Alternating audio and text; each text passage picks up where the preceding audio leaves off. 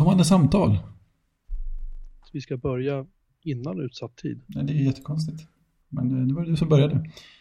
Vi får väl eh, ståla vilt en liten stund. Kan väl, vi kan väl, äh, vi kan väl bara hålla på. Ja, precis. Jag kan Ja, dra, ja. dra lite så här, prylar på skrivbordet och sånt. Så någonting kanske.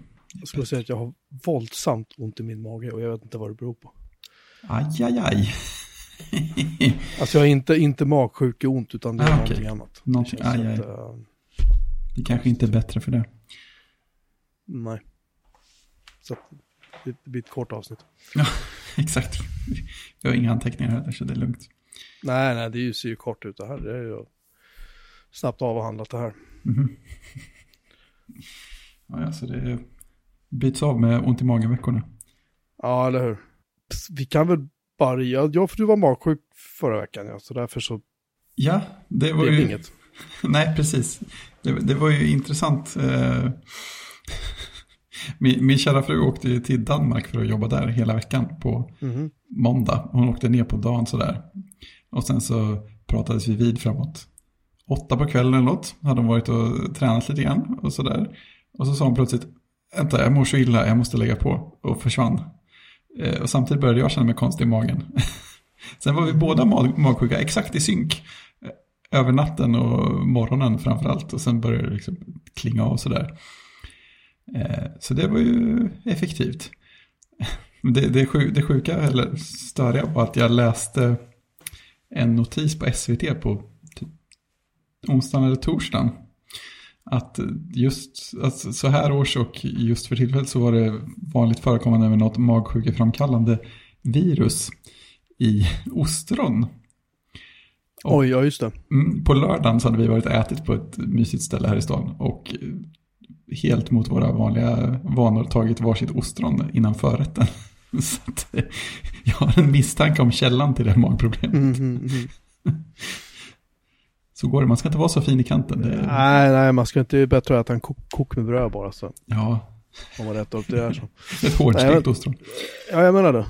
Jag vet, jag vet inte varför jag har så, jag har haft här små ont hela dagen, men nu framåt eftermiddagen så har det blivit så här, hela, från typ, vad säger man, precis under revbenen där. Och bara ner. Oj. Ja, det, är- så att, det känns som att jag typ så här håller i magknipan, jag vet inte vad det är. Det känns Oj. jättekonstigt. Skumt. ja, vi får väl se. Hoppas det inte blir något av det, får man väl säga. Nej, det har jag, också. Mm. Ehm, eh, vi ska väl nämna uh, John Siracusas applikation Fronten Center. Har du prövat den? Ja, det, det har jag ju. Plötsligt så kom det ju ett blogginlägg på hypercritical.co, vilket ju Mhm. inte händer så där ofta. Nej. Och så visar det sig att John Syracuse har varit med och skrivit en app för att såklart återställa ett fönsterhanteringsbeteende som fanns i typ MacOS 9 Mhm. och som eh, han eh, de senaste 200 åren sedan MacOS 10 kom eh, emulerat eller efterliknat med någon dold eh, specialinställning i DragThing tror jag. Mm. Som en app som var till för att göra massa andra saker och som, jag vet inte om den någonsin hade lämnat Carbon-stadiet. Den har inte utvecklats på länge och nu dog den slutligen när Carbon lades ner helt och försvann ur Catalina. Så varpå Johns tjatade på en bekant tills den personen skrev första versionen av Frontend Center som han sen tog över eller hjälpte till med och skrev om till Swift för att det var kul och fick ut i App Store och sådana saker. Och vad Frontend Center faktiskt gör är att om man klickar på ett fönster som tillhör en applikation så kommer alla applikationens fönster längst fram istället för bara det fönster man klickar på. Mm. Stor och dramatisk grej. Eh, Men jag insåg eh, lite till min förvåning att jag faktiskt vill ha det beteendet. Eh, Och framförallt då när jag på jobbet. För att när jag utvecklar så sitter jag i princip 100% av arbetstiden med minst tre Chrome-fönster. Eh, eller ja, ett för typ bugghantering, ärendehantering, ett för eh, appen jag utvecklar och en med utvecklarkonsolen. Eh, så varje gång jag vill växla tillbaka till det så, så har det varit så att jag kan ju inte klicka. Det hjälper inte mig att klicka bara på fönstret med appen eller fönstret med utvecklarkonsolen. Utan jag måste alltid få fram båda. Så då var det plötsligt Frontend Center helt perfekt. Så jag, jag har faktiskt använt det ganska flitigt. Installerat det på båda mina maskiner. Ja, jag, jag tänker nog köpa det. Um, för jag märker att vissa applikationer beter sig ju annorlunda. Om, om du har startat mail exempelvis, Mm. Apple Mail, och så har du minimerat inkorgen. Eh, det enda sättet att få upp inkorgen är antingen att trycka på typ Ja, just det. eh, kanelbulle 1 eller kringla 1 Mm. för att få upp huvudfönstret. Eller att trycka på det minimerade inkorgsfönstret. Att trycka Ja. på mailfönstret bara, det gör ingenting. Nej, det är superstörigt. Ja, Medan andra eh, applikationer tror jag är så att om man klickar på applikationen, det var garageband alltså, som händer. Så om du klickar ner garageband så klickar jag på garageband. Precis, klicka på garageband-ikonen då. Nu gjorde jag det här under inspelningen dessutom. Jag med minimerar garageband-fönstret, sen klickar jag på garageband-ikonen, alltså Just det. Inte det minimerade fönstret utan programikonen, så kommer fönstret upp igen. Det är ju lite Men- bättre. Men med mail gör den inte det. Nej. Varför Nej, är det skumt. så? Nej, jag Varför undrar är det också så? det. Men, men det har väl typ alltid varit så va? För, för det Ja, känns ja, ja, det har, ja, ja, ja, ja. ja för, för hela minimera-beteendet var ju något jag minns tydligt att jag fick vänja mig av med när jag växlade till Mac. För Mm. att på Windows så brukade det alltid minimera. Men på Mac blir ju fönstren typ oåtkomliga när man minimerar. Och dessutom tar de massa plats i docken. Så att jag gick över ganska snabbt till att gömma dem med kommando H istället. För det känns mycket mer så som jag ville ha det. Mm. Men förändrar Fronten Center hur då exempelvis mail beter sig? Det kan vi ju ta reda på här på något sätt. Nej, just det. Nu har jag, nu har jag inte mail på datorn här. Men det har jag ju. Eh, vilken, vilken effekt var det du ville ha? Att om du har mail öppet och så minimerar du själva mailfönstret Eh, och sen så klickar du på mail-ikonen, alltså applikationsikonen för mail, så ska, mail, så ska inkorgen komma tillbaka. ja, det gör den. Nice. Men jag vet, jag vet inte om det är tack vare Fronten Center eller inte. För att, Jo, men ja, precis. Jo, för att eh, nu gjorde den det här hemma bara för det. På min dator hemma. Men på min jobbdator gör den inte det. Mm. Mm, ja, alltså skumt. OS 10s fönsterhanteringsvägar är outgrundliga. Fan vad skumt. För du har har också märkt att den gör sådär. Att den, Ja, ja, alltså jag tycker alltid att det är jättejobbigt att få fatt i minimerade fönster. Så att jag använder det där typ aldrig. Någon gång gör jag misstag så nej, nu är det jobbigt, måste man leta fram det där fönstret och leta i dockan. Ja, herregud. Nej, jag ska, nog, jag, ska det är nog. Jag ska nog köpa det. Så ska vi. Och lite som han sa själv också, lite, det känns nästan lite oväntat att en sån liten applikation dels går att skriva i, i moderna MacOS 10 och att den går att få ut i App Store. Men det gjorde den ju bevisligen. Ja. Vad kostar den? är det, 30 spänn eller vad kostar den? Ja, det var något sånt. Hanterbart. Ingen prenumerationskostnad. Nej. Det har kommit ganska tätt med uppdateringar också faktiskt. Alltså, Ja, hur är det? Kan man se uppdateringshistoriken på något smidigt sätt i... 35 kronor kostar den. Ja, den är redan uppe i version 1.2.1. Oj. Ja, Det hade han nog inte räknat med att han hade behövt. Alltså, nej, det, jag tror inte det heller. Det här kommer bli så här monstret den här applikationen. Det kommer bli så här. äh, Precis. Kommer så här, kommer det funktion så här, ja här har vi en inbyggd uh, någonting. Mailklient såklart. Ja, precis. Vad var det mina VI keybindings? Det måste vi ha. Perl-skriptning. Det kan bli hur stort som helst. Det fanns ju faktiskt en som heter All Window Appear här som faktiskt som var gratis. Så jag gör samma sak. Classic Window Behavior står det. Undrar om den kom före eller efter. Det vore ju ganska roligt att tänka sig att någon skulle ha gjort en, en klon efter att den har kommit. Den kom år 2020. Den kom nu i år i alla fall. Ja, så det är, det är en bra chans att det är en klon. Ja, det finns folk Ja, allt. Vad konstigt att den har gissar att den kommer att komma upp på nästa ATP.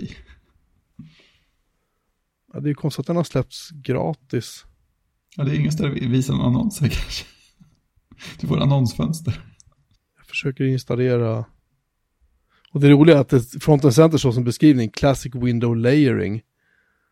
Och den andra står det All Window Appear, Click One, See All Related. Och så står det som beskrivning också, classic window behavior. Mm. Mm. Mm. Mm. Suspekt. Jag vet inte det. Vad jag tycker om det där. Ska vi se, Fronten. Center. Nu har jag startat Fronten Center. Jävlar, nu händer det grejer. Ska jag ha dockikonen? Nej, det ska jag inte ha. Meny, den ska startas automatiskt. Det ska vara classic. Så, som jag nu minimerar ner den, eller om jag gör sådär. Nice. Ja, det känns rätt mysigt. Nu är den igång. Preferences. Ja, nu kan man exkludera applikationer också. Den var ny va? Just ja, det. det kom alldeles nyss. Wow. Ja, det är stort. Undrar hur många av han har sålt den här. Den har- kanske Ja, jag gått ganska bra den här skulle jag tro. Jag kan tänka mig att det finns ett ganska bra subset av folk som köper. Helt plötsligt glider han och blir, blir så här. Tjänar mer pengar på Appster än vad Casey List gör liksom. Just det. Så här, tjena. ja, det har varit roligt. Det hade varit jätteroligt. Ja, ja nåväl. Eh, du flyttar, har du flyttat innehåll från, du har ju hemmamoln. Är det din Synology vi pratar om nu? Ja, det är Synologyn. Eh, Har du Ja. konsoliderat?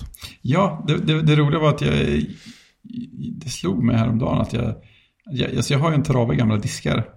Mm. Eh, Och majoriteten av dem har ju flyttat över innehållet från till, eh, ja, i- inte, inte ens direkt till NASen utan i flera steg, alltså via andra lagringar som jag haft genom tiden och sånt där. Men så kom jag på att mina allra, allra äldsta diskar, A har jag kvar och B har jag, hade jag inte flyttat över saker från. Så jag grä- grävde fram min gamla IBM Death Star, vad är det, typ 60 gigs hårddisk eller någonting. Oh. Ja, det, så nu har jag flyttat över. Ja, den är nog på upphällningen för övrigt. För att det blev konstiga ljud och sånt ibland när man försökte flytta vissa, vissa partitioner. Så att, men jag har fått över en del i alla fall. Eh, Det som var mest så här konkret roligt eh, för oss var väl en, en stor mapp med moddar, eller till, ja, tillägg till Unreal Tournament Mhm. massa sådana här e- extra bottar och skins och sånt där. Jag, jag kommer ihåg att jag hade, hade några, ett skin eller en modell som var så här huvuden i burkar på sådana här robotspindelben som sprang runt och sköt på en till exempel. Det är fint. Sen undrar jag också om jag har kanske den här Lazy Matrix i den. Det, var- det, var ganska, det var ganska roligt. Det var någon slags timer som gick och sen så då och då så, så sa eh, Morpheus Free Your Mind och så sakta allting ner en stund. Inklusive att de pitchar ner alla ljudeffekter. Så att idealet var att man hade minigun eller någonting framme och så så sköt med så slaktade ni så här dum, dum, dum, dum, dum. Oh. Ja. Jag vet inte hur det funkar i multiplayer riktigt men det var väldigt kul när man körde själv. Så att det finns en stor hög med sådana och dessutom den pl- viktigaste pluginen till Unreal Tournament nämligen Unreal Tetris som man bara kör ut i gränssnittet. Det kommer jag ihåg som en väldigt trevlig Tetris det ska jag också prova någon gång. Så det är viktigt. Det är kul att gå igenom gamla filer någon gång ibland. Ja, jag har...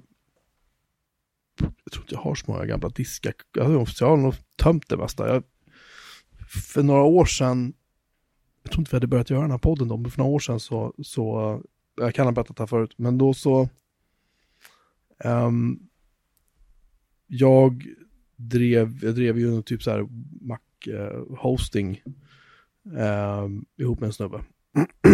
och då hade vi en, hade en XFG G4 som jag körde eh, Mac Pro på under en period faktiskt.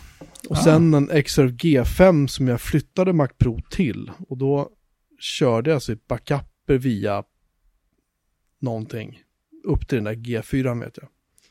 Och sen så bestämde vi att nu skiter vi i det här. Nu ska vi inte göra det här längre. Och så framförallt så skulle vi ta bort de här gamla servrarna och då satt de Uh, eh, eller nej, nej, just det, så var det. Just det, vi, vi, vi la ner den här firman tillsammans. Och det är en lång historia som jag inte orkar dra nu. Men, men vi la ner det skiten och sen så, och sen så tänker jag inte mer. Sen kontaktade det här företaget mig där servern hade suttit och sa hej hej, det här är ju det här är dina va? Och jag var så här, äh, ja. Så här, ja, Um, vill du ha dem? Jag var så här, ja, det vore Mm. kul, men jag tänker inte åka upp till liksom så här, du vet, Tjottabalaiti uppe i Norrland och hämta dem liksom. Ja, Jag så sa, långt bort. Det var långt bort. Det var liksom Luleå eller någonting, jag kommer inte ihåg. Boden, det var långt åt helvete i alla fall. Mm. Och, då, och då så... ehm, då sa de, här, men det, är- vi, vi, skickar, vi ska ha en kille som ska köra ner. Så vi skickar ner dem. Så du kan ju komma ner till, till Hammarby Sjöstad och hämta dem. Oj, Så jag åker ner till Hammarby Sjöstad och konkar de här två extra De är ju inte så lätta som man tror kanske. Konkar dem typ Nej, nej, inte alls. tre, tre kvarter liksom och slänger in dem i bilen. Slänger, jag lägger in dem i bilen. Och sen åker jag hem och tänker så här, ah, de får väl stå. Och sen tänker jag så här, jag undrar vad det är på de här diskarna. Så botar jag upp dem och de funkar ju fortfarande. Och där hittar jag ju så, du vet, gamla versioner av Mac Pro, gamla, framförallt mail. Hur mycket mail, för jag har haft mailserver på båda de här. Ah, Jättemycket gamla mail, alltså mycket så här gamla roliga filer så som jag har sparat undan det allra, allra mesta. Det har jag Mm. kvar. ja, det är roligt är att diskytan ökar så mycket så att man kan lägga sådana här gamla saker på ett litet, litet hörn av de diskar man har nu. Ja, det är helt sjukt. Det var, Jag tror det var i G4 tror jag att det satt fyra stycken 80 gigar eller någonting och i G5 satt det väl tre stycken så här typ 160 gigar eller någonting, jag kommer inte ihåg. Mm. Det enda som är tråkigt nu är att, nu, att jag ändå har, det är nog ett par, ett par terabyte disk som jag inte riktigt kan göra någonting nyttigt med. Det är ju trist. De, de passar inte in i diskkonfigurationen så som eh, Synology vill ha den, så man kan inte, inte riktigt infoga dem i resten. Vi bör köpa en till då. Ja, får vi göra det. Nu, nu är det bara att börja, nu är du, nu är du i hus så att nu vet du vad vi ska göra. Det är bara rack, rack och, Rack och läder, nej. eh, ja typ. Haha, bra avsnittsnamn där. Eller? Eller? Har många lyssnare som lyssnar en kort stund. Där, där var vi inte vad hade tänkt oss. Nej. och tur är väl det. Ehm, just det. Ja, sen har jag köpt en Volvo till. Oj, hur gick det till? Nej, då. Nu, nu luras jag lite. Jag har, jag har, tekniskt sett har jag faktiskt köpt en Volvo, men det är inte min. Ja. Eh, jag, eh, min eh, dotters pojkvän, han är en Saab-människa egentligen, men han har ju sett ljuset nu då och tycker att det här med Volvo verkar roligt. Det görs nya och sånt där ibland också. Ja, det är plus att han har insett att de verkar ju hålla, Ja, det kan man säga. till skillnad från hans Saab. Eh, så han eh, eh, hittade en Volvo V70 från så här 97 eller någonting på Blocket. Jag var så här, oh, så här. 8000 spänn, oh, tänkte jag, det här blir inte bra. Automatlåda, jag var så här, nej, nej, nej, nej, nej, det här, det här, nej, nej. Det, det, det här bara skriker ju liksom illa. Men han ville åka och titta på den och tänkte, ja men jag åker med då liksom. Så vi åkte ner och eh, tittade på den där. Och var förvånansvärt fin och han, pappan till hon flickan som sålde bilen, han och jag, vi, vi, så, vi blev så instant polare liksom Nej, vad kul. typ lika, lika nörda båda två så här och, och, och det visste att det var hans gamla Volvo, eller han, hennes, hennes eh, styvpappas gamla Volvo var det. Som hon sen har haft och som hennes riktiga pappa liksom har tagit hand om. Han, har, han berättade vad han hade gjort, han hade bytt bromsar på den och liksom så här, vi gick igenom hela bilen och provkörde den och det var så här, det var förvånansvärt fräscht liksom. 8000 spänn, jag var så här, ja. Och lådan är det inget fel på heller så att problemet är att sen när Lukas som ska betala, som grabben heter, och han, är- han är ju ganska ung så att han har ju han har ju begränsningar på hur mycket pengar han får ta ut på sitt kort och du vet, Ja, swisha mycket pengar Så att jag ledsnade till slut om att jag ställde mig upp och swishade över pengarna för bilen till säljaren. Så tekniskt sett är den ju min då. Nu, nu har han ju betalt oss då eh, för, för, för bilen. Men, men ehm, jag tyckte det var lite kul bara inse att jag, jag har köpt en Volvo till. En, Ja. en liten stund i alla fall. Achievement unlocked. Ja, så jag faktiskt åkte med honom igår med den. Trevligt. Eh, och eh, som sagt, en bil som har gått så långt och som är så gammal och ändå är det så här, alltså inte, inte helt oäven, måste man ändå säga. Ja, det är ju grymt. 8000 spänn liksom, jag gick igenom besiktningen och allting. Så det, Så, så det ska är det vara. coolt. så är det. Vi har ju någonting gemensamt i att vi har ju sett Joker båda två nu. Jaha, det är välspenderad tid kan jag tycka. Det är kanske är en spoiler, men det tycker jag. Ja, alltså vi... Ja, efter ungefär halva filmen så kände jag att jag är ganska kissnödig, jag borde gå på toa. Mm. Men jag kunde inte resa mig upp. Jag, jag kunde inte finna mig att stanna filmen och gå, och liksom gå på toaletten. Utan jag, Nej, jag, jag, var tvungen att se klart den. Liksom. den, den griper tag ganska hårt. Ja, Man känner sig lite, lite så här, nästan kvävande stämning. Eller, Ja. Åt det hållet. Helspänn. Och sen just hur, hur och så är det så här. Det finns inte, det finns väl kanske ett enda roligt ögonblick i filmen. Det är när han leker med en pistol där i början. Ja, just lägenheten. Det. Men, men bortsett från det så är det, så här, det är bara så här, det går bara från värre till ännu värre till åh nej vad illa allting är liksom för honom. Ja, precis. Och, uh, mm.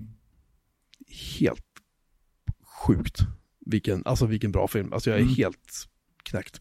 Vi ska prata lite mer film lite senare, men, men nu har vi om inte det är 2010-talets en av de bästa så, ja. Ja, precis. Men, jag läste ja. en fin notis också om att det var någon, jag vet inte vad han var, kriminolog eller någonting sånt där. I alla fall någon mm. som jobbar med och forskar på brottslingar och brottslingars psyke och så.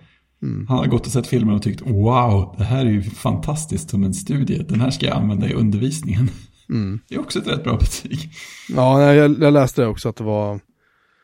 Uh, att han, han, gjorde det ju fantastiskt bra. Mm. Joakim Phoenix. Så att, ja, min like. Ja, känns lite som att serietidningsfilmer eller som är superskurk eller hjälterelaterade, de blir nästan bara bättre ju mindre super det blir i dem va? Ja, ju, min, ju mindre mantlar och flygande män ja. och ja, det är. Liksom. För, det, för det, var, det var en grej som jag kunde, jag har tänkt på det efterhand.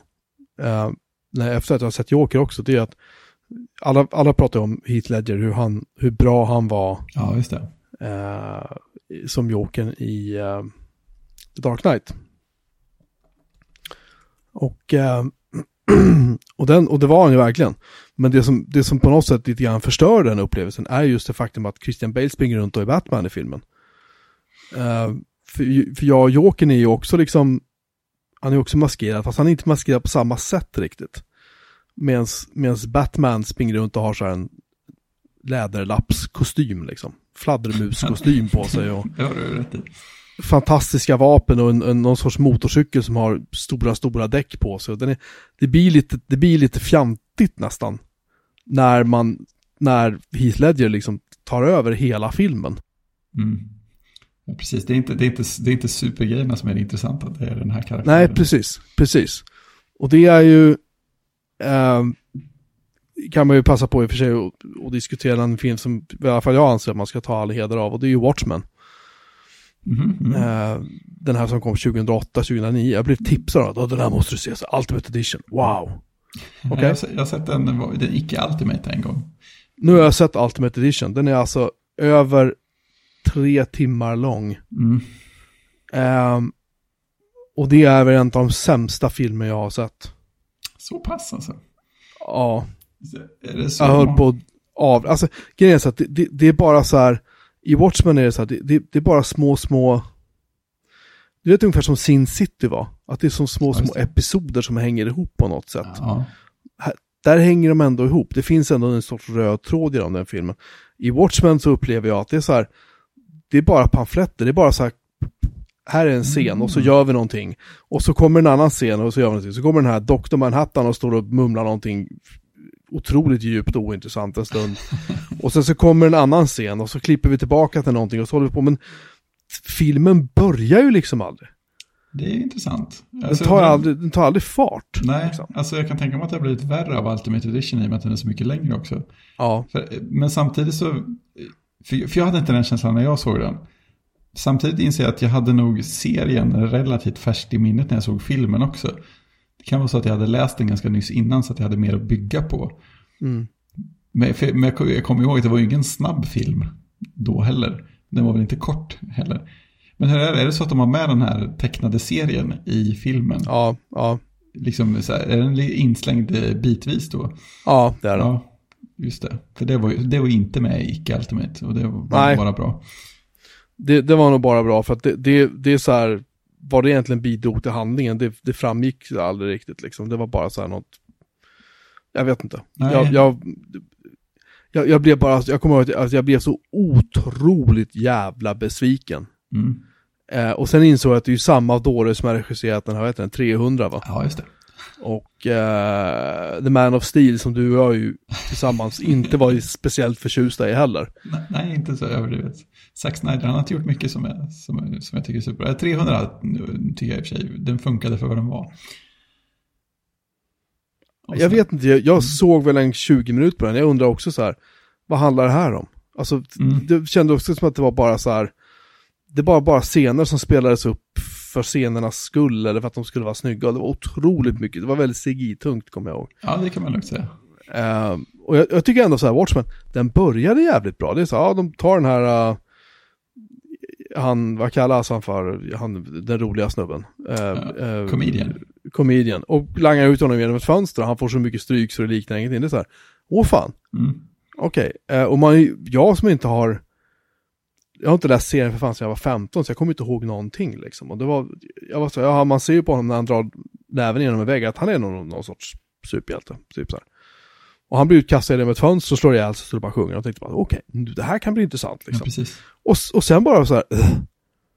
sen så tappar de bara hela liksom, Nej, alltså den är så jävla dålig. Jag, så, alltså, jag avskyr den där filmen. Mm. Ja, den har inte fått mycket bra kritik. Nej, det, det, det, finns, det finns dock några intressanta referenser. Jag vet inte om du tänkte på det. Eller om du kommer ihåg det. Men det är ju så här, de har ju någon, någon några scener där typ presidenten typ så här är inne i någon så här krigsrum där han står och håller på och pratar om saker och ting. Ja, Jag för mig att det är Watchman, jo men det måste det vara. Och där är ju, det, det är så här war rummet som de är i, är ju hämtat från Doctor Strangelove. ja bra grej. Och sen så är det också några scener som ehm, där musiken eller ljudet liksom påminner väldigt mycket om ehm, du vet i början på Blade Runner när, när Rachel ska förhöras Ja, så är det ju så här, så här, klingande ljud och det är evangelisk musik i bakgrunden och så. Det är lite sånt, det är något, det är ett par sådana typ så här intron till scener i Watchmen. Så jag kan inte riktigt, jag kommer inte ihåg exakt när det var, men jag minns bara att jag reagerade på att det här påminner en del om Blade Runner liksom. Mm. Men det var väl ungefär det enda roliga som var med den filmen. Som fanns att få. Precis. Ja, över tre till. Jag, jag satt faktiskt och snabbspolade på slutet för jag var så här, det här det tar aldrig slut. Nej. Nej, Och vissa det- filmer och det- borde ha vett att vara kortare. Ja, och, och det kan man ju då dra en, en parallell till The Irishman som också är 3.30 lång eller någonting. Scorseses eh, film som han gjorde åt Netflix. Mm. Ehm, och där, är så här, där märker man inte att den är 3.30 lång. Oh, wow. Otroligt bra film. Alltså, ja, man kanske tycker att man har sett det lite förut. Det är, det är Pacino, det är eh, De Niro, det är liksom, det är så här, Joe Pesci. Liksom det är de gamla vanliga som är med, men de gör det på ett sätt som de inte har gjort det förut. Ja, Som jag tyckte var väldigt, väldigt, väldigt bra faktiskt. Mm. Ja, den får man kanske börja beta sig ner i någon gång. Ja, den, den kan jag säga, vi kan diskutera den djupare när du har sett den. Du behöver, du behöver ju typ en kväll på dig att se det för att se den. Men samma sak där, man, man märker inte att den är så lång som den faktiskt är. Nej, Den, det är den, bara, den, bara, den bara liksom manglar på. Så att nej, vi- ska inte spoila det nu. Utan du får se den först innan vi pratar om den. Mm. Sen har du rekommenderat en film som heter Escape Plan till mig. ja, den, den viktiga filmen med Stallone och Schwarzenegger. Ja, Ja, jag vet inte riktigt vad du hade druckit när du tyckte att, när du såg den och tyckte den var bra. Men jag kan säga att, vad fan liksom. det var konstigt, eller hur? otroligt förutsägbar. Det enda jag tyckte var intressant var ju liksom var det här fängelset låg någonstans Mm, utan precis. att spoila för mycket. Det tyckte jag var så här, ah, ja, Mm. det här var ju smart liksom. Det hade jag inte tänkt på, det såg jag inte komma. Men problemet är att de avslöjar det ganska tidigt i filmen. Japp. Och då blir det så här, jaha, och resten då, då blir det här bara en sorts transportsträcka till att de ska ta sig ut och så tar de sig ut och så okej, bra, nu är vi klara liksom. Japp. Eh, Och sen vilka det var som var bad guys var också ganska förutsägbart, Mm. kan jag väl ändå tycka. Liksom. Den, den tyckte jag inte om. Om jag uttrycker mig milt. Nej. Den får, den får en och en halv av fem BM från mig. Ford vs Ferrari kan jag däremot Vad är det rekommendera. Det är en film där eh, Christian Bale, som jag just nämnde, och Matt Damon spelar med. Eh, Christian Bale spelar en engelsk testförare vars namn jag inte kommer ihåg och Christian Bale spelar eh, vad fan heter han nu igen? Han gör, han gör ju sån här um, amerikanska snabba eh, sportbilar. Shit. Hur som helst, de här två blir anlitade av Ford för att spöa Ferrari i eh, Le Mans, racet, 24-timmarsracet. Och eh, för de försöker nämligen, Ford försöker nämligen köpa Ferrari och visa att, för Ferrari är så här på gränsen till att gå bankrupt. Och eh, det visar att eh, Ferrari har bjudit ner dem dit bara för att de ska trissa upp priset så att, så att eh, Fiat ska investera i dem istället. Då. Ja. Och, eh, och då blir vdn för Ford då, eh, Henry Ford den andra, för övrigt. Um, blir så förbannad. Jag tror att de lurar honom lite också. Det är någon scen där, uh, där Lee Iacocca som han heter, han som var marknads eller PR-chef på, på Ford på den tiden.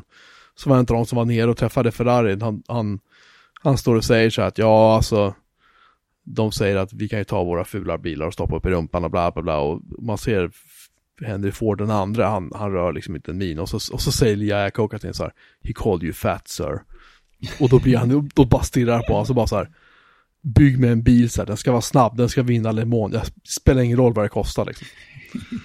Det är bra, det är en bra och sak. då, och då börjar de sätta igång och ska bygga då en, en snabb Ford för att spöa Ferrari. Och det är väldigt snyggt filmat.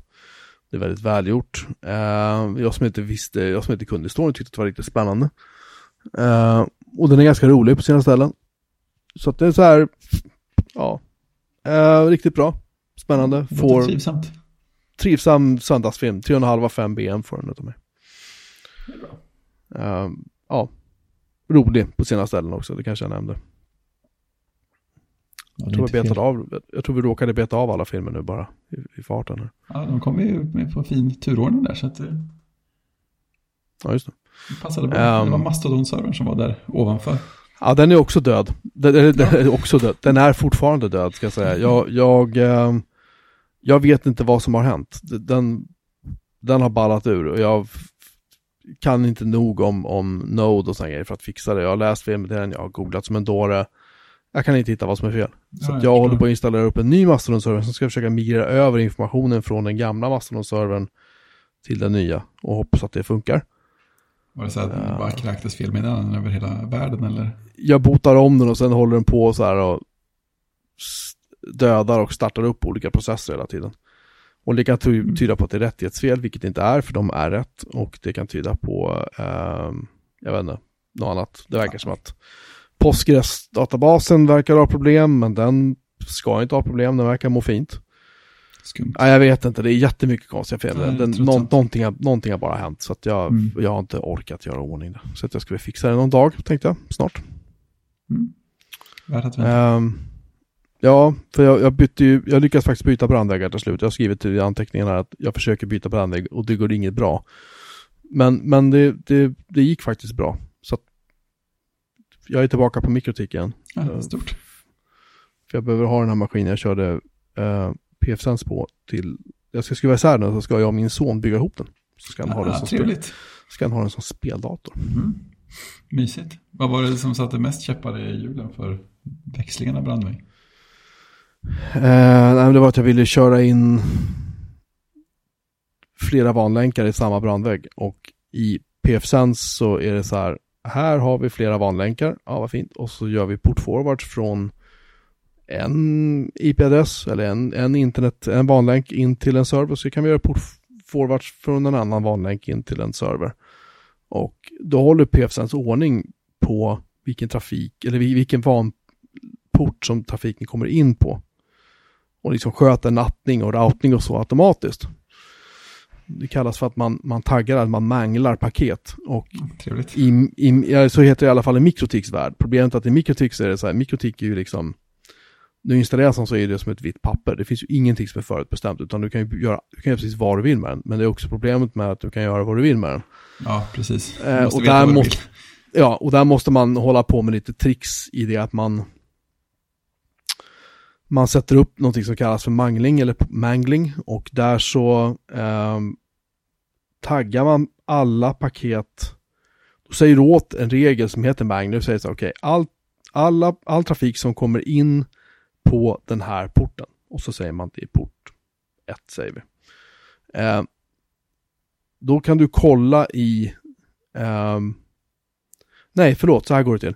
Man säger så här, här är inkommande trafik. Eh, om den matchar trafik som finns i den här listan över IP-adresser. Och där i har man då en eller flera IP-adresser på den vanlänk som man vill hantera trafiken för. Då ska du tagga trafiken med det här namnet. Och sen skicka vidare in. För då håller jag koll på att jag routar ut den på rätt sätt. Typ så. Ja, just det. Och det låter ju enkelt, men, men det är ganska obegripligt när man ska försöka läsa sig till det här. För att det finns många varianter att göra det här på, som jag har Ja, sett. Och jag har inte fått, fått någon av dem fungera. Och Nej. problem, problemet är hur... Eh, du har ju alltid en default-route i en brandvägg där du säger så här, här, här är vägen tra trafiken ska gå. Utan här måste du sätta liksom, här måste du vikta routningarna och, vi, och sätta liksom, typ så här, vad är det för avstånd? Ja, den första, den som är default, den kanske har 10 säger vi avstånd. Och den andra som är inte default, men där det också kommer in trafik, den har 30 eller någonting. Så att man måste ju tvinga trafiken att gå ut på en viss port om den inte har kommit in via en annan vanlig. Och det är jätterörigt liksom. Men jag har fått det där att funka i alla fall till slut. Så det att det, skönt. men det tog en himla massa tid. Men det är också en annan uppsida i att det här drar, de drar ju den här brandväggen 13 watt kanske och inte 100. Nej, det, det, det märks ju ganska snabbt. Ja, det finns en uppsida där. Eh, du, du har sett eh, Mandalorian. Vad har Ja. den med Unreal-motorn att göra? Jo, eh, den serien är typ gjord med en real-motor.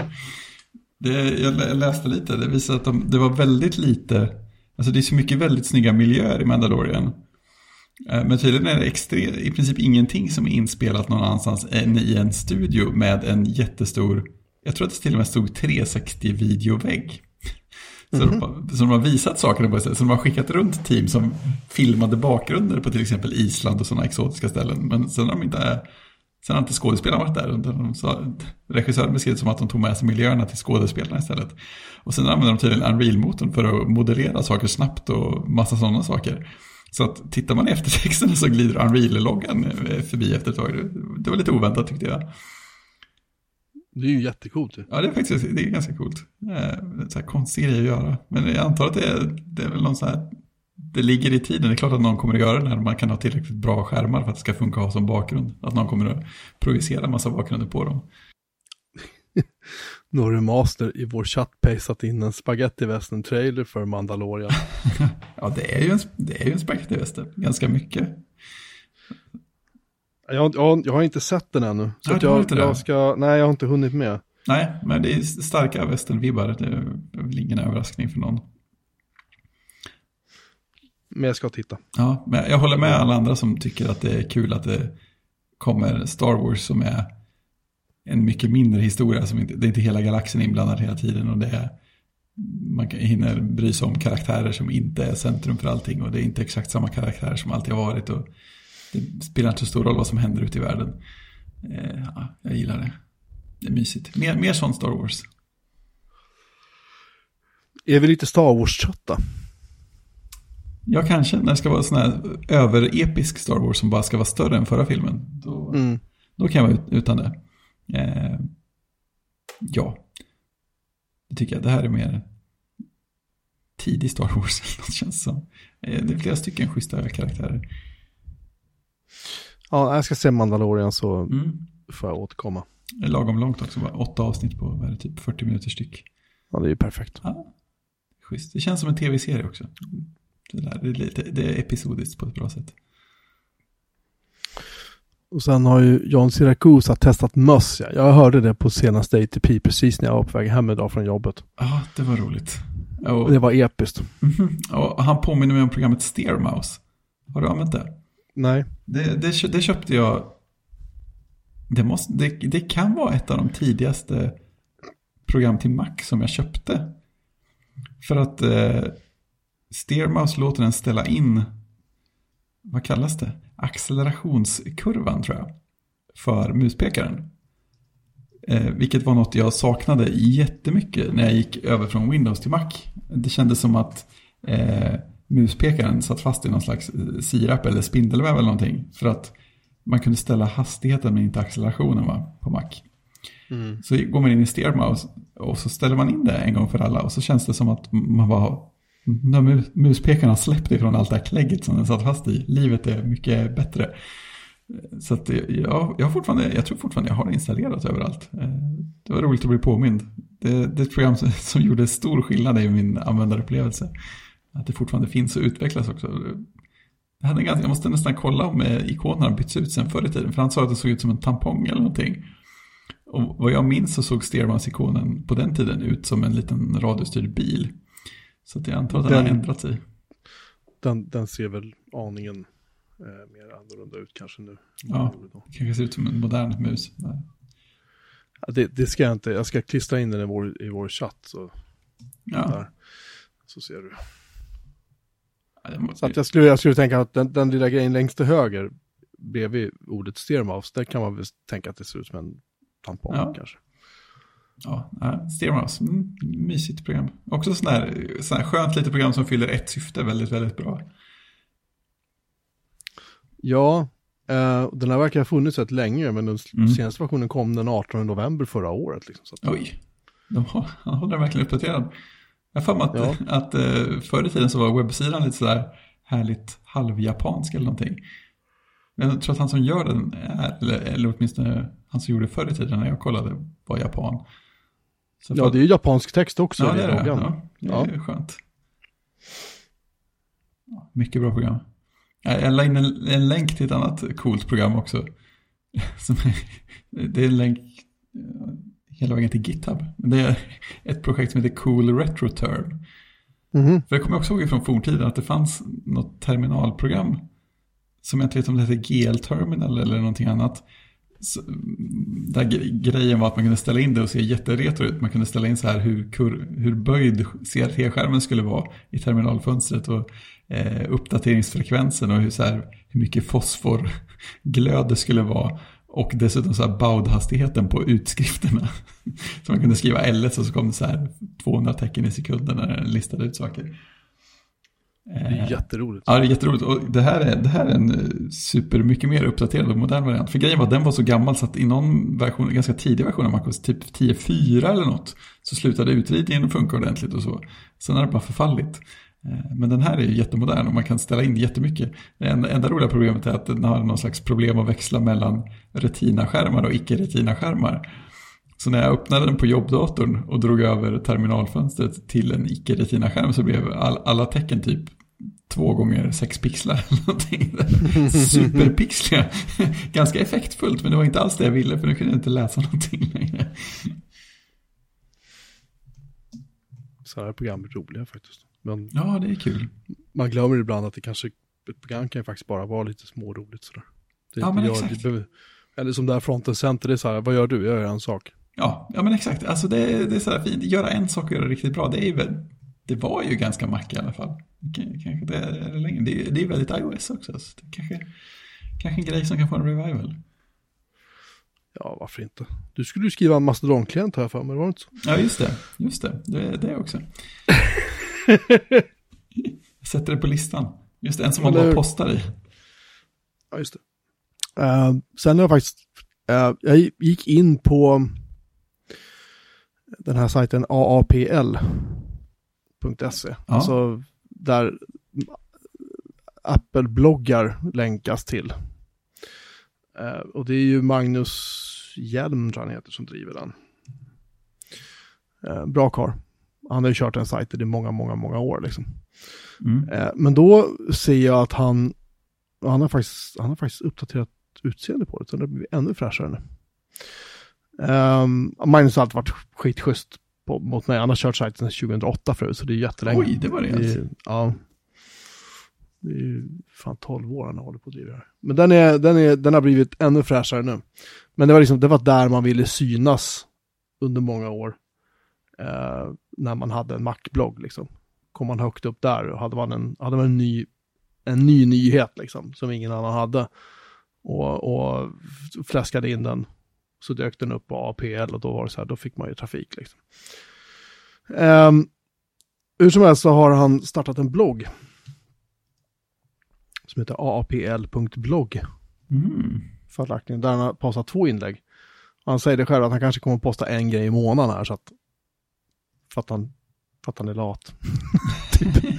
Att- nej, men det, nej, men det, nej men det är smart, man ska inte ha för höga, Nej, det är helt rätt. eh, för höga så här, målsättningar för då är det risken att man bränner sig. Den, som, eh, som erfaren och ärad skribent kan jag ju säga att, nej, skämt åsido. Men, men jag, jag vet själv att man, man går in i det här och så bara, jävlar, man postar så här hundra grejer om dagen och man tycker det här är ju otroligt kul och sen Ja, så precis. bara, så dör det liksom.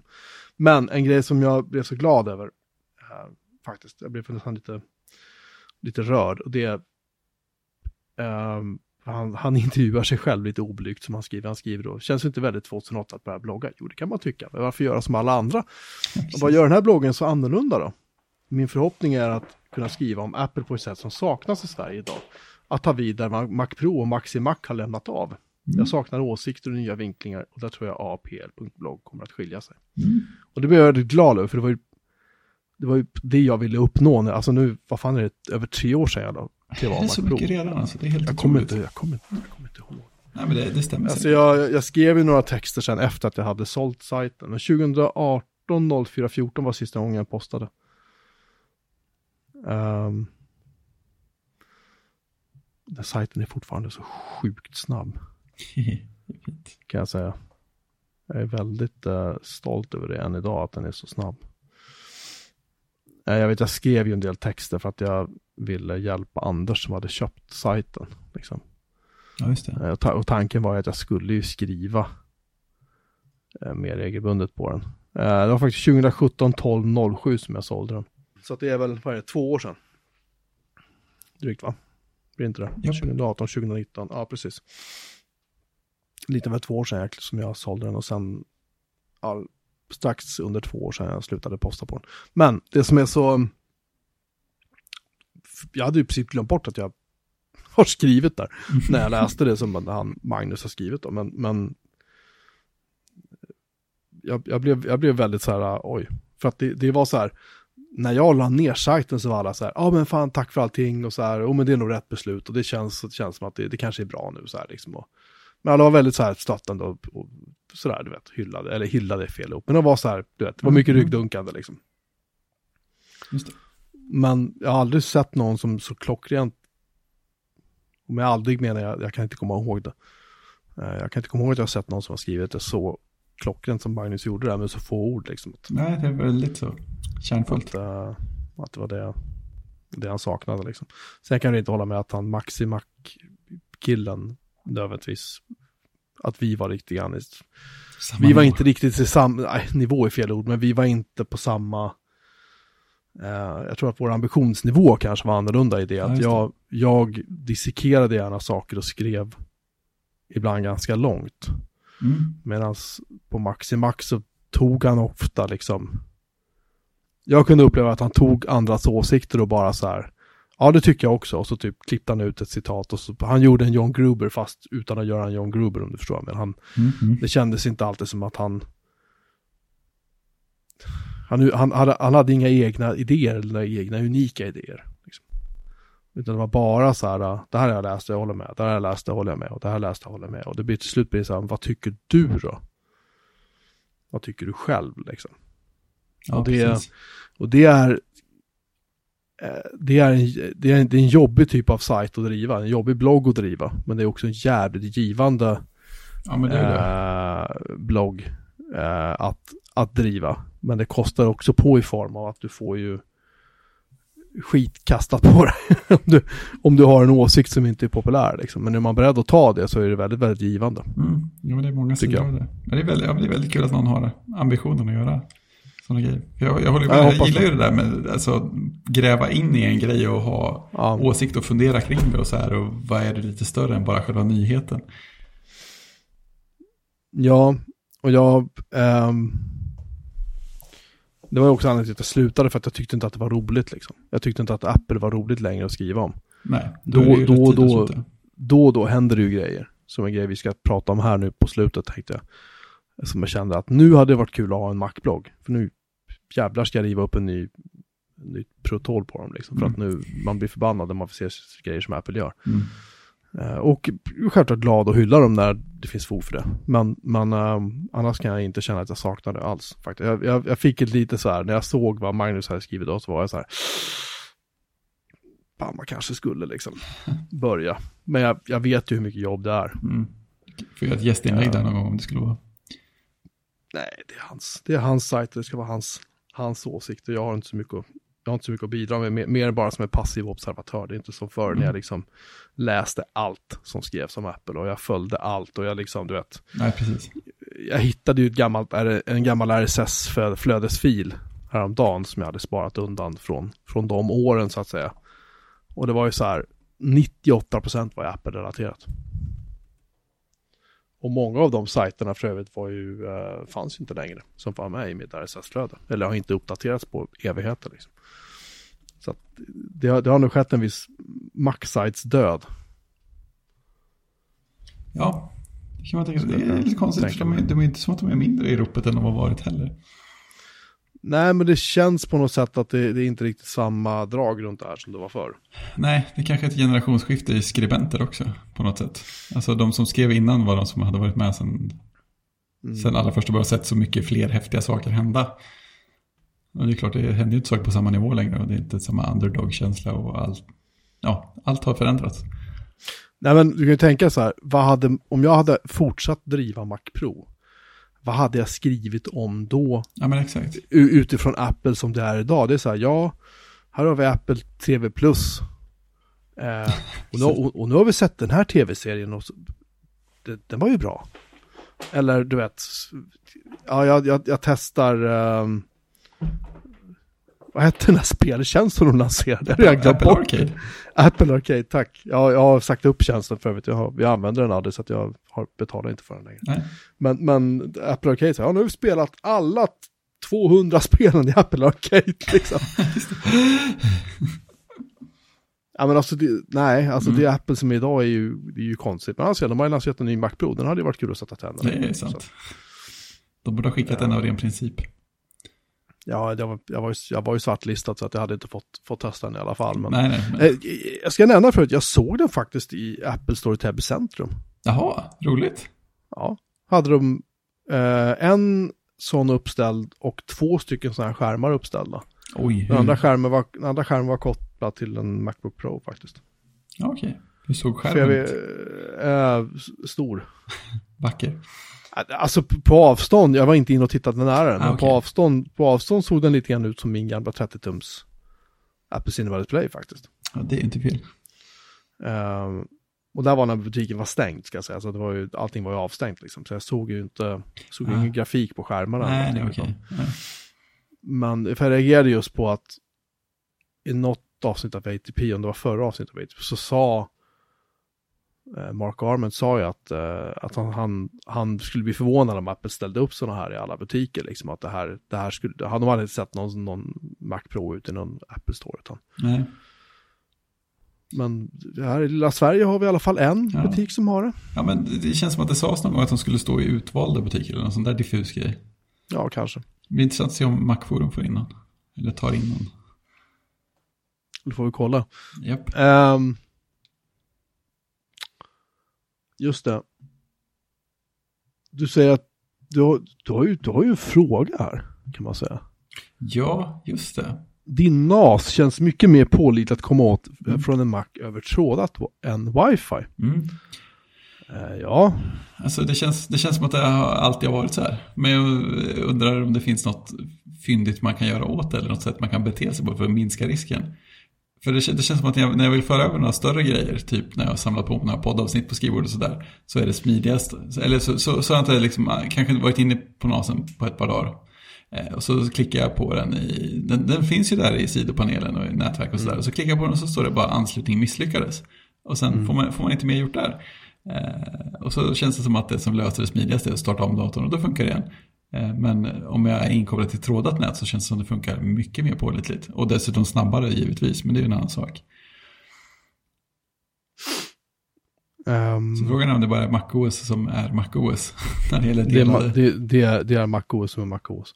Nej, men det har, det har med, jag tror att det är så att när du kör över wifi så, uh, du ansluter, alltså i och med att du kan stänga av och slå på datorn hela tiden, så kan det ju vara så att wifi, alltså nätverksstärkning för wifi ballar ur. Mm. Det kan vara en sån grej och då, det är väl den här MDNS Responder vad den heter. Det är den som håller koll på, jag tror att de kör den fortfarande. Ja, det gör Det är den, det är minnas. den som håller, håller koll på vad som sitter ute i nätet. Den broadcastar ut och säger så här, hej hej, så här liksom. Mm. Vad, vad, vad sitter på det här nätet då? Liksom. Det kan ju inte jag göra, för jag har ju mina grejer på olika subnät. Mm. Alla mina servrar sitter på ett annat subnät, så att den kan inte göra sådana. Den kan inte känna av det på samma sätt, tyvärr. Det är lite trist. Men, men, Okej. men det, jag, jag vet ju vad servern heter, så jag kan ju bara med kringla K bara liksom koppla upp det på det gamla hederliga sättet. Det tricket får vi prova att göra också. Se om det Mm. går bättre. Du skriver bara SMB kolon slash slash och så antingen IP-adress eller om du vet vad den heter, typ så här nas.local eller någonting. Så Just det, det är kan bra. det funka. Ja, Annars funkar, IP-adressen funkar alltid. ja. Ja, men den är ju statisk också. Det är, jag fick lite, jag fick, kom plötsligt att tänka på BOS igen. Visst var det där det fanns en knapp som det stod Restart Networking på? Mm. Jag tänkte jag och att önskade liksom, den knappen hade varit kul att ha. Det känts bra att trycka på den nu. Och så nätverksstacken var så jävla ranglig den, det var därför du var tvungen att göra det. Ja, Liksom. det gjorde det ganska ofta. Ja, de, de var på gång med en ny nätverksstack som hette Bone, tror jag det var, i eh, BOS 5. Ja, var det något man kunde köra lite separat? Ladda ner paket eller någonting? Ja, det släpptes i en jättetidig beta och där fanns det SMB-klienter och allt möjligt liksom med. Det var ju, Coolt. det var ju, de hade kommit ganska långt, men den där läckte ut från BE precis innan bolaget konkade. Ja, Så läckte det ut en, jag tror aldrig att, jag tror aldrig att de släppte någon beta officiellt för det där, utan den, den läckte ut från bolaget på något sätt precis innan de gick, gick i konken. Där. Och ehm, den vet jag att folk försökte fixa sen. Och den var, den var väldigt ranglig. Och den nätverksstacken som var innan dess, den, nej, den, var, den var inte rolig alls. Den, den var riktigt kackig. Den Mm. stödde typ så här två nätverkskort på, på Intel-sidan. Liksom. ja, just det, man fick ha rätt grejer. Ja. Ja, ungefär som, som Nextstep på, på Intel. Men, Ja, men det jag minns som ett sidospår är att det fanns ju en eller finns fortfarande en kille som heter Scott Hackett, det var han som skrev då The BOS Bible. Och han drev en webbsajt som heter typ så här BE tipserver eller någonting så här, Ja, som var så här Mm. små, små smarta texter och hjälptexter och så om BOS. Och den sajten körde han på en BOS-maskin. Det är ju väldigt fint. Eh, ja, precis. Och alla, det här är lite grann som, som din och min blogg ser ut idag, att man kör med statiska filer och så. För alla, alla ehm, texterna, alla webbsidorna han hade i, på den här sajten, B-bits hette den, förlåt. B-bits, det Hette, jag. hette sajten. Eh, och B-bits var så här, alla webbsidor där var statiska filer. Och eftersom filsystemet var så sjukt snabbt, med den dagens mått mätt, så eh, du hade ingen, i och med att filsystemet var i princip en databas, så behövde du inte ha någon egen databas för allt content, utan du, du, du körde bara allting som statiska filer rakt från filsystemet. Bara som en, en jättelång parentes, men jag tyckte Ja. det var ballt Ja, det var ju supercoolt. Och jag här, ja, det, det är ingen annan som gör på något annat OS. Nej. Nej, det, det, men då och då så gick den där servern ner eftersom ja, nätverksstacken var ju, var ju skit liksom. Man tänker att det stod under hans skrivbord någonstans också. Vad hette den? Bbits.com .com tror jag. var det det? Känns Jag ska så. se om arka, kolla om archive.org har någonting kvar, det är lite roligt. Eh, jo då, här har vi. Den, någon har ju tagit den här domänen. Igen, förstås. Den är ju något annat skräp där nu säkert. Ja, såklart. Det är ett alldeles för kort namn. Eh, den, re, den redirectar till någonting helt annat. jide.com slash remixos for PC. Anyway, Det låter oerhört pålitligt. anyway, det finns ju... Uh, Archive.org har ju en, en bunt träffar. På bbits.com. Från den gamla goda tiden. Jag går in på 29 juli till 2000 här nu. Anyway. Eh, så det kan du göra. Använd den här kringla K-grunkan. Nej, det var inte alls B-bits. Det var det inte alls det. B-bits var ju där du laddade ner programvaror. Ja, men då var det Eh. B-tips-server då, eller någonting sånt där. Vad fan hette den? Men var det inte någon sån BOS tips-server eller BA-tips-server eller? Ja.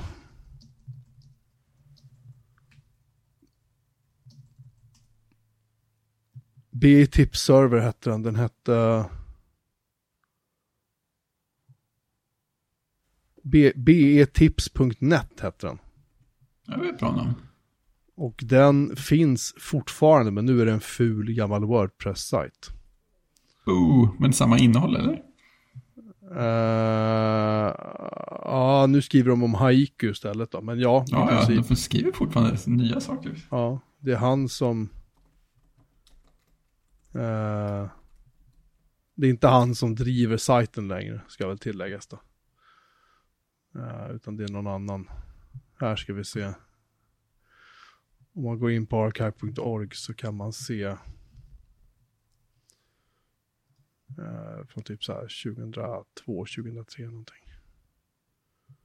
Den var ju inte så vacker den sajten kan man, kan man ju säga. Men den var, den var jättevärdefull. För de som använde det här en gång i tiden. Ja, det var ju superbra grej. Det måste finnas arkiverad. Oh ja, den finns här. Det fanns ju till och med, till och med BOS Radio fanns det ju på den tiden. Oj, fint. Ja, det var en liten, uh, liten parentes. Mm. Kan det sista vi, sista vi ska göra innan vi lägger på idag är att, är att slita upp en ny tvåa på Apple då. För det har ju visat sig att det här med att kryptera kundernas data i iCloud är ju lite så här, nja, Jo då, det är krypterat. Det är bara, det är bara fler än du som har nyckeln. Precis, det, det är ju så. Det, det är ju, iMessage är ju end-to-end krypterat, så där kommer de ju inte åt. Och det som är på telefonerna kommer de inte åt. Men det som ligger hos Apple däremot, det kan de komma åt. Och de har tydligen lämnat ut ganska mycket data från iCloud till Ja, amerikanska tydligen. myndigheten. De har begärt det. Det var väl någonting i stil med... Jag vet inte om det stod i den här Reuters-artikeln, men det var väl det var ganska höga eh, siffror på hur pass många. De har plockat ut fulla backuper på iCloud, eller på alltså enheter Mm. eller annat iCloud-innehåll i 1568 fall. Det rör sig om Oj. totalt 6000 konton. Eh, och, och det var bara eh, det var bara på ett halvår. Totalt sett så säger de att 90% vid de, i de, vid de tillfällen då data har begärts så har det lämnats ut. Mm. Eh, första halvan av 2019 rörde sig om 18 000 konton. jäklar, det är ju massvis. Mm. Det är ju sjukt. Och sen dessutom det där att de hade haft, det hade funnits en plan på att ta bort den möjligheten att köra en-to-en kryptering där också så att bara man själv Mm. kunde. Men att Legal och andra hade sagt nej för att de, de inte ville irritera FBI mer eller vad det stod. Nej, Känns ju oerhört fegt. det som är, det som är liksom skyddat så att de inte kommer åt det är då hälsodata och lösenord. Det kan de inte lämna ut, det kan de inte komma åt liksom. Men däremot iMessage, om du backar upp iMessage-meddelanden till iCloud, WhatsApp och andra Ja. krypterade tjänster. Alla du backar. Mm. upp den information, alla bilder, allt sånt som du backar upp, din mail. Allt du backar upp till Apple-servrar. Mm. Eh, som inte är hälsodata eller lösenord, det kan Apple plocka ut och lämna ut till Mm. eh, myndigheter. Och det jag ska säga att det är inte bara, det är inte bara dem, det är Google gör ju likadant. Ja, det är sant. Men hade hoppats att eh, Apple var det lysande undantaget här. Men nej. Ja, jag är lite, lite förvånad faktiskt över, Ja, men faktiskt. över det. Mm. Jag har testat, testat nu i Nextcloud det här, där kan man ju, där kan man ju lite grann precis som med Photostream i, i, eller vad fan det heter nu i iOS, att man automatiskt trycker upp en bild man tar upp till, till molnet. Just så det. har jag, nu, Mm. har jag nu påslagit så att den faktiskt automatiskt trycker upp en bild från Nextcloud till min Nextcloud-server. Ja. från min telefon oavsett om jag är på 4G eller wifi eller någonting. Mm. Och ni gör det, ni gör det helt transparent i bakgrunden. Schysst, funkar det bra? Eh, funkar skitbra. Så vad ska jag med iCloud till, höll jag på att Ja, säga. det är skönt. Kanske kan banta ner de 200 gig jag har där till betydligt mindre. i alla fall. Ja, precis. Det bara man får plats med säkerhetskopian. Om man nu vill ha säkerhetskopian kvar, vill säga. Nej, jag har faktiskt slagit av det för jag insåg att vad fan ska jag säkerhetskopiera min telefon för? Ja, det är inget kvar där som behöver. Nej, alltså Nej, det är ju appa, apparna finns i iCloud. Eh, eller på hos App Store menar jag, men jag måste ladda ner dem igen. Och sen om jag ska ladda ner eh, information, så bilderna ligger ju på mina egna servrar. Eh, Och det vill jag ju inte gärna trycka ner 22 000 bilder tillbaka till telefonen. Liksom.